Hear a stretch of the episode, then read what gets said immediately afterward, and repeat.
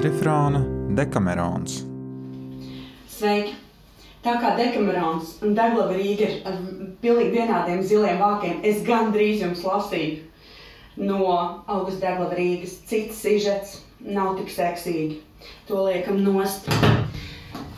Tātad.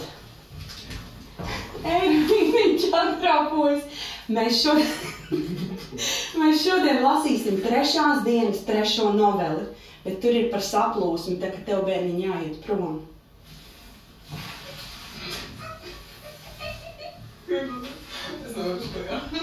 Tātad trešā novela. Sūdzot grēkus, un it kā vaļsirdīgi atzīstoties kāda dāma, kas iemīlēsies kādā jaunā cilvēkā, pamudina cienījamu mūku viņam pašam nenojaušot, iekārtot tā, lai tās vēlēšanās pilnīgi piepildītos. Būsim godīgi, viss šī nodaļa nebūtu vajadzīga, ja cilvēkiem 14. gadsimtā būtu bijis uh, čats vai WhatsApp.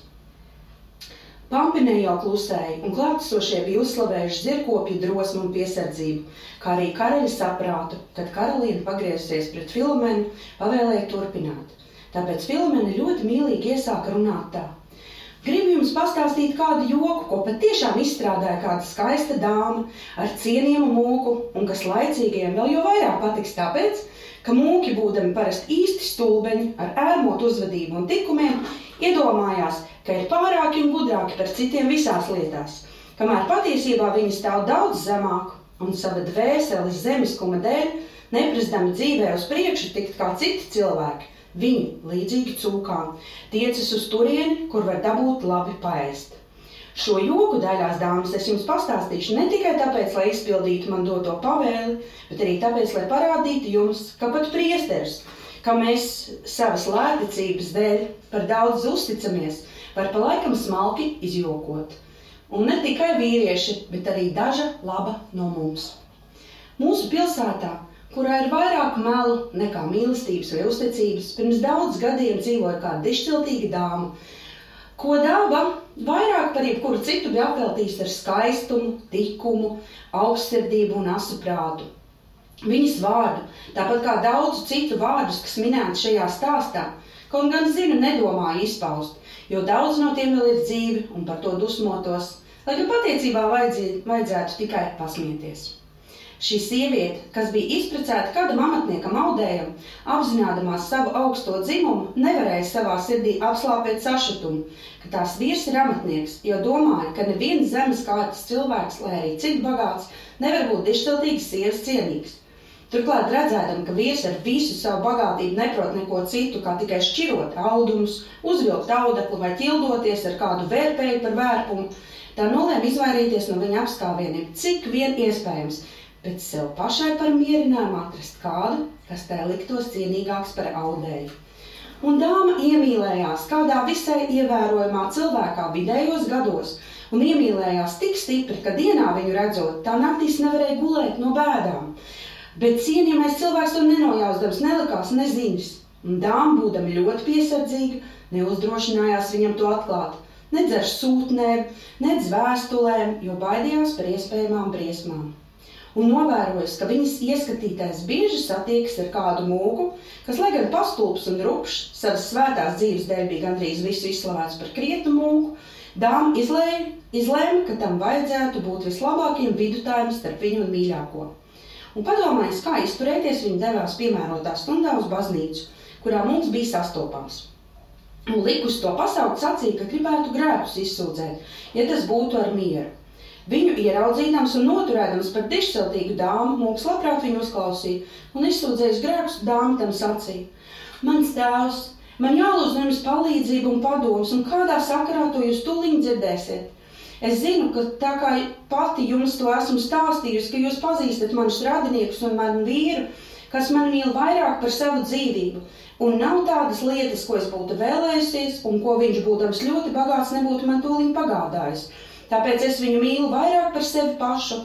Un, ja es tikai savās domās, nemaz nerunāju par darbiem, būtu noziegusies pret viņu godu vai gribu, neviena nekrietna sieviete nebūtu vairāk sārtu pelnījusi par mani. Tagad nu kāds cilvēks, kuru vārdu es patiesībā nezinu, bet kurš man šķiet esam dišciltīgs, ir skaists teltā auguma, Parasti ļoti pieklājīgi ģērbies tumšās drēbēs, un, ja nemaldos, bieži jūs apmeklē, un kurš varbūt domādams, ka mani nolūki ir citādi nekā patiesībā, šķietas mani nemitīgi lēncam. Jo es nevaru parādīties nec durvīs, nec pie loga, nec iziet no mājas, kad viņš jau nebūtu klāt. Un es brīnos, ka viņi pat labāk nav šeit. Tas viss man ļoti apbēdina, jo tāda rīcība bieži bez pamata godīgām sievietēm sagādā sliktu slavu. Dažreiz man ienāca prātā likt maniem brāļiem viņam to pateikt. Bet tad es apdomājos, ka vīrieši da dažkārt tiem uzticētos uzdevumus izpilda tā, ka seko nelāgas atbildes, un no kā tad izceņas vārdu maiņa, un no vārdiem nonāk līdz darbiem. Un, lai no tām neizceltos ļaunums un neslava, es klusēju un nolēmu visu izstāstīt drīzāk jums nekā kādam citam. Tāpēc, ka jūs liekas, esat viņa draugs, un vēl tāpēc, ka jums pienāks par tādu izturēšanos norādīt ne tik vienu draugu, bet arī svešinieku. Un tā labi es jūs lūdzu, Dieva dēļ, viņu par to izbārt un lūk, lai viņš tā vairs nedara. Ir diezgan sieviešu, kas varbūt ir gatavas uz tādām dēkām un kas priecātos, ja viņš tās ievērotu un parādītu tam uzmanību. Turpretī man, kam kaut kas tam līdzīgs nav neprātā, tas ļoti nepatīk. To teikusi, viņa nolieca galvu, it kā gribētu raudāt. Svētais tēvs tūlīt saprata, ka viņa stāsta par to, par kuru arī patiesībā stāstīja, un ļoti uzslavējis dāmu par šo labo nodomu, pilnīgi noticēdams, ka viss, ko viņa teica, ir patiesība. Mūks apsolīja rīkoties tā, lai šis cilvēks viņu vairs neapgrūtinātu. Un zinādams, ka viņa ir ļoti bagāta, tas cildināja žēlsirdības darbus un žēlsirdības dāvanas, ieminēdamies arī par savām vajadzībām, uz to dāmas sacīja. Es jūs lūdzu, Dieva dēļ, darīt tā, kā jūs solījāt. Un, ja viņš to noliektu, pateikt viņam pavisam tieši, ka es pati visu izstāstīju un žēlojos jums par viņu. Un pēc tam izsūdzējis visus grēkus un saņēmis atdošanu, dāma atcerējās mūku dotos mājiems par žēlstības dāvanām un nemanāmi iespieda tam rokā naudu, lūgdama noturēt aizlūgumu par savu mirušo tuvinieku dvēselē. Un tad piecālsies no grēksūdzes soliņa, viņa atgriezās mājās. Pēc neilga laika, kā Lažradas, pie svētā tēva atnāca jaunais cilvēks. Un, kad tie bija mazliet parunājuši par šo un to, novedis jaunekli sāņus, mūks ļoti pieklājīgā veidā sāka viņu bāri par uzmanības izrādīšanu. Un skatieniem, ar kuriem viņš kā mūks domāja, vajājas dāmu, kā dāma pati to bija likusi saprast. Cienījamais jaunais cilvēks, kas nekad nebija dāmu novērojis, un tikai retums gājis gar tās māju ļodīs brīnījās un sāka taisnoties bet mūks neļaudams neko iebilst turpināja. Tagad neizliecies izbrīnījies un netērē vārdus, lai to noliektu, jo tu to nevari. Es to uzzināju nevis no kaimiņiem, bet viņa pati stipri žēlojumās par tevi man visu izstāstīja. Un kaut gan tādi joki tev vairs nepiestāv, es tev teikšu tik daudz. Ja es jebkad esmu sastapis kādu, kam šīs muļķības dārdzas, tad tā ir viņa. Un tāpēc es tevi lūdzu, tava goda un viņas miera labad, izbeidz šo dēku un liec viņu mierā. Jaunais cilvēks, kas bija atjautīgāks par svēto tēvu, tūlīt saprata dāmas gudro izdomu. Un izlīgamies mazliet nokaunējies, apsolīja turpmāk tā vairs neizturēties. Aizgājis no mūka, viņš devās tieši uz dāmas māju, kur tā visu laiku uzmanīgi raudzījās pa mazu lodziņu, lai redzētu, vai viņš ies garām. Un ieraudzījis viņu nākam, tā izlikās tik līksma un laipnīga, ka viņš ļoti labi varēja nojaust, cik pareizi sapratis mūka vārdus. Un no šīs dienas sev par patikšanu un dāmai par lielu prieku un apmierinājumu viņš piesardzīgi turpināja staigāt pa šo ielu, izlikdamies, ka tam par iemeslu būtu kādas citas darīšanas. Bet dāma drīz vien ievērojusi, ka viņa tam patīk tikpat labi kā tas viņai, un vēlētumās to vēl vairāk savaldzināt un pārliecināt par mīlestību, ko viņa pret šo izjūta. Izraudzījās vietu un laiku un atkal devās pie svētā tēva. Un nokritusi baznīcā pie mūka kājām, viņa sāka raudāt. Mūks to redzēdams līdzietīgi jautāja, ko jaunu viņi gribot pavēstīt, un dāma atbildēja: Mans tēvs, man nav citas jaunas vērtības, kā vienīgi par to pašu dievu nolādēto jūsu draugu, par kur es jums jau sūdzējos aizvakar, jo man šķiet, viņš ir dzimis, lai sagādātu man vislielākās mokas, un lai pamudinātu mani darīt kaut ko tādu, par ko es nekad nebūšu priecīga, un nekad neuzdrošināšos krist pie jūsu kājām. Kā tad tā sacīja mūks, vai tad viņš nav mitējies tevi apgrūtinātu? Protams, neatbildēja dāma. Gluži otrādi, pēc tam, kad es jums sūdzējos, gandrīz kā par spīti, varbūt ņēmis ļaunāk, es par viņu žēlojos. Viņš vienas reizes vietā, kā bija paredzēts, iet tagad vismaz septiņas reizes gar manu māju. Un lai Dievs dod, ka viņš būtu apmierinājis tikai ar pastaigāšanos un skatieniem. Viņš ir kļuvis pārdrošs un bezkaunīgs, ka vēl vakar iesūtīja pie manis kādu sievieti ar ziņām par sevi. Un visādām blēņu runām, un atsūtīja man kādu maciņu un jostu. It kā man pašai nebūtu maciņu un jostu diezgan. Tas man tik ļoti sakaitināja, un vēl tagad kaitina, ka man liekas, es būtu sacēlus elišķīgu traci, ja nebītos grēku un necienītu jūs. Tā nu es tomēr savaldījos un negribēju neko daudz darīt, nec sacīt, vispirms neaprunājusies ar jums. Turklāt, kad es biju atdevusi maciņu jostu sievietei, kas šīs lietas bija atnesusi, lai viņa tās atdot atpakaļ un ar rupjiem vārdiem izvedīs viņu laukā, man pārņēma bailes, ka sieviete nepatur maciņu un jostu sev un sūtītājiem nepasaka, ka es visu esmu pieņēmusi, jo esmu dzirdējusi, ka tā dažkārt darot. Un tāpēc es pasaucu viņu atpakaļ lielās dusmās, izņēmu minētās lietas viņai no rokām un atnesu tās jums, lai jūs savam draugam tās atdot un pateiktu, ka man nav vajadzīgas viņa dāvanas, Jo paldies Dievam un manam vīram, man ir tik daudz maciņu un jostu, ka es, viņos, ka es viņu tajos varētu noslīcināt. Un es lūdzu jums, kā tēvam, atdošanu par to, ka es, ja viņš arī turpmāk neliks mani mierā, visu izstāstīšu savam vīram un brāļiem. Un tas var notikt, jo man daudz labāk patiktu, ja viņš saņemtu pelnīto apkaunojumu, nevis ka man celtos neslava viņa dēļ. Vai ne tā mans tēvs? To teikusi, un vēl ar vienu stipri raudādam viņa izvelk no apmetņa brīnišķu un dārgu maku ar skaistu un graiznu jostiņu un iemeta tos mūkam klēpī, kurš pilnīgi noticējis visam, ko dāma stāstīja, ļoti satrauc tos paņēma un sacīja. Mana meita, es nemaz nebrīnos, ka tu esi sašutus par to, nevaru tevi nosodīt, bet man gan pieklājas ļoti tevi ļoti uzslavēt, ka tu paklausīji manam padomam. Es viņu vakar stipri izrāju, un viņš nav turējis man doto solījumu. Tāpēc gan par iepriekšējo, gan arī par to, ko viņš no ļauna, ko viņš no jauna nodarījis. Es gribu viņam sadot tādu sutu, ka viņš tevi vairāk nemocīs. Un lai Dievs tev palīdz neļaut dusmām tādu vaļu, ka tu kādam no savējiem to izstāsti, kas viņam varētu sagādāt lielas nepatikšanas. Nebaidies, ka tev tāpēc varētu celties neslava, jo es allažu Dieva un cilvēku priekšā cieši apliecināšu tavu godīgumu. Dāma izlikās, ka ir kaut cik nomierinājusies, un pazīdama gan šā, gan citu mūku mantkārību, atmeta šīs runas un sacīja: Mans kungs pēdējās naktīs man sapnī rādījās mani radinieki, un liekas, ka viņi atrodas briesmīgās mokās, un nelūdz neko citu kā vienīgi žēlstības dāvanas savas dvēseles glābiņam. Un it sevišķi mana māte man izlikās tik noskamusi un nelaimīga, ka sirds iežēlojās viņu uzlūkot. Man šķiet, Viņi izcieš ļoti lielas mokas, redzot, ka man vajā šis dieva ienaidnieks.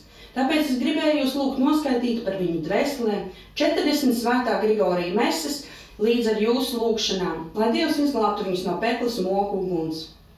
To teikus, viņi iespieda mūkam rokā vienu florīnu. Svētais tās priecīgs to paņēma un stiprināja viņas dievību ar labiem vārdiem un daudziem piemēriem, un tad devis savu svētību atlaida viņu. Tikko dāma bija Mūks nenojausdams, ka ticis apmānīts, aizsūtīja pēc sava drauga. Tas atnāca un redzēdams mūku ļoti satrauktu, to viņa saprata, ka viņam ir jaunas ziņas no dāmas un gaidīja, ko mūks teiks. Mūks atkārtoja jau agrāk sacīto un ar nosodījumu pilniem dusmīgiem vārdiem sāka no jauna viņu stipri bāru par to, par to, ka viņš pēc dāmas apgalvojumiem tai bija nodarījis. Jaunais cilvēks, kurš vēl nesaprata, uz ko mūks tēmē, diezgan pārliecinoši noliedz, ka ir sūtījis maciņu un jostu, lai mūkam neatņemtu ticību.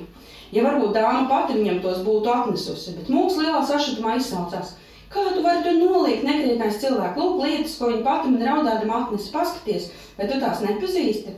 Jaunais cilvēks izlikdamies ļoti nokaunējies sacīja. Protams, es tās pazīstu un atzīstos, ka esmu darījis aplam, bet tagad, zinot viņas noskaņojumu, zvēru, ka jūs nekad par to vairs nedzirdēsiet ne vārdu.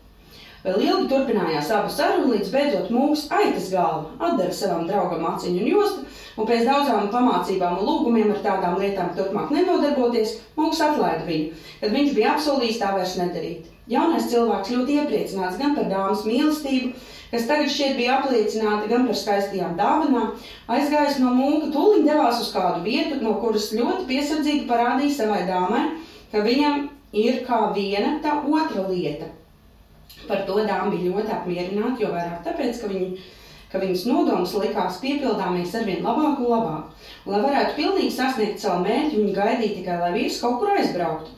Un atgadījās, ka ne, neilgi pēc tam viņas vīram kaut kādu iemeslu dēļ vajadzēja doties uz Dženovu. Tiklīdz viņš no rīta bija uzkāpis zirgā un aizjājis, dāma devās pie svētātāja un pēc daudzām vaimanām un raudām sacīja: Mans tēvs teikšu jums vaļsirdīgi, ka es to vairs nevaru izturēt Bet tā kā es aizvakar apsolīju neko neuzsākt iepriekš nepasakot jums, es atnācu, lai jūs mani aizbildinātu. Un lai jūs ticētu, ka man ir iemesls raudāt un žēloties, gribu jums pastāstīt, ko jūsu draugs, tīrais peklis vēlns man nodarīja šorīt īsti pirms rīta mēsas.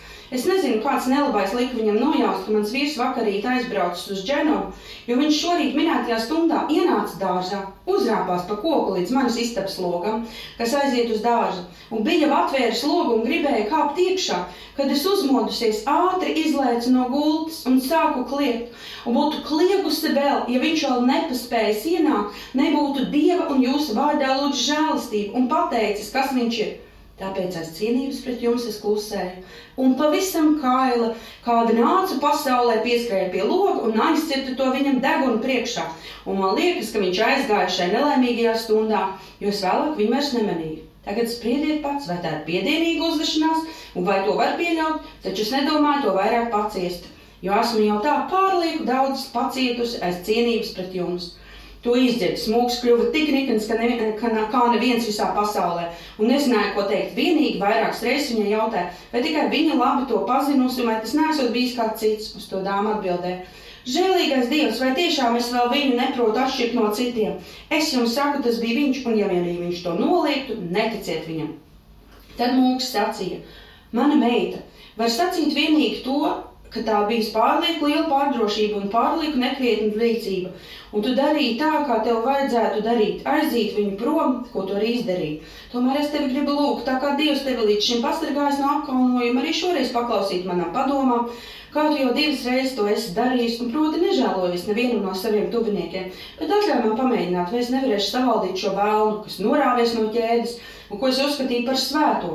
Ja man izdosies turpmāk viņu apturēt no lopiskās uzvešanās, Tad labi, bet ja nē, tad es tev jau tagad dodu savu svētību un atļauju rīkoties tā, kā tev pašai šķiet pareizāk.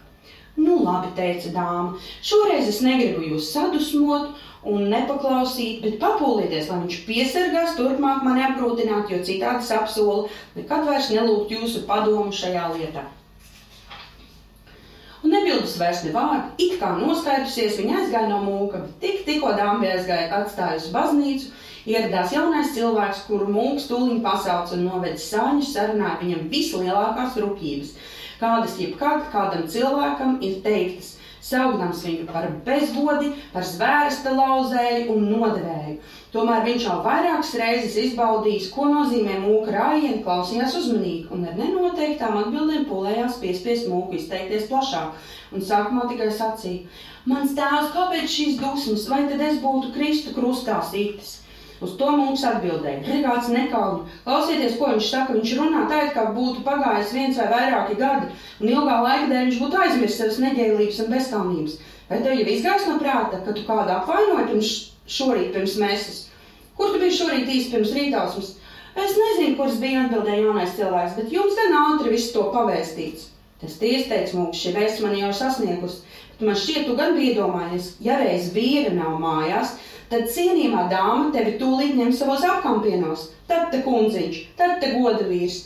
Sācis klaņot pa naktīm, ielausties dārzos un kāpaļāt pa kokiem. Vai tu domā ar savu uzbāzību uzvarēt šīs sievietes svētumu un naktī līdzdams eh, pa kokiem pie viņas logiem? Nekas pasaulē viņai nav pretīgāks par tevi, un tomēr tu alaži mēģini no jauna. Tiešām, nerunājot par to, ko viņa vairāk ar tevi likus manīt, es, esi gan tu labi ievērojis manus aizrādījumus. Bet to es tev gribu teikt, līdz šim viņa klusēja par tavu izturēšanos nevis tāpēc, ka tevi mīlētu, bet gan tāpēc, ka es viņu neatlaidīgi lūdzu to darīt. Taču ilgāk viņa neklusēs, ja es viņai atļāvu rīkoties pēc pašas patikas, ja tu viņai uzmāktos. Ko tu darīsi, ja viņa visu tagad izstāstīs brāļiem?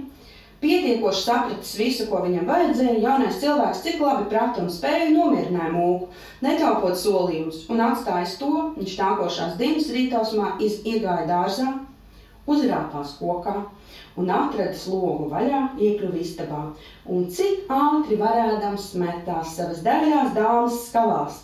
Un dāma, kas viņu bija gaidījusi ar kaislīgām ilgām, priecīgi viņu saņēma teikdama: Liels paldies mūka kungam, kas tik labi tev parādīja ceļu uz šejieni!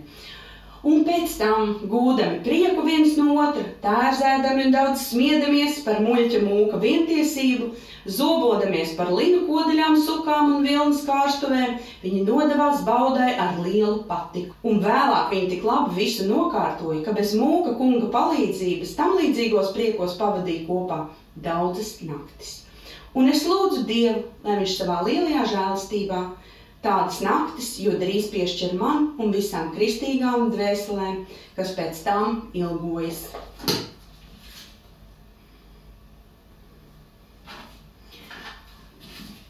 Un par sevi mani sauc Lorita Thompsona. Es esmu Žaņa Lipas muzeja direktore, bet es uzliku šo gandrīz mūķenes tērpu, tāpēc, ka es kādreiz gribēju būt par mūķeni, un šajā grāmatā ir ļoti daudz izcilu stāstu uh, par sievietēm, kas pārģēršas par vīriešiem un mūkiem un mūķenēm, kuri nedzīvo pārāk tiklu dzīvi, bet to, protams, mēra laikos ir ļoti aizraujoši lasīt. Un es ceru, ka mēs visu to izturēsim, un Varbūt kāds no jums jau raksta šādu līdzīgu grāmatu arī pēc uh, Covid-19. Paldies!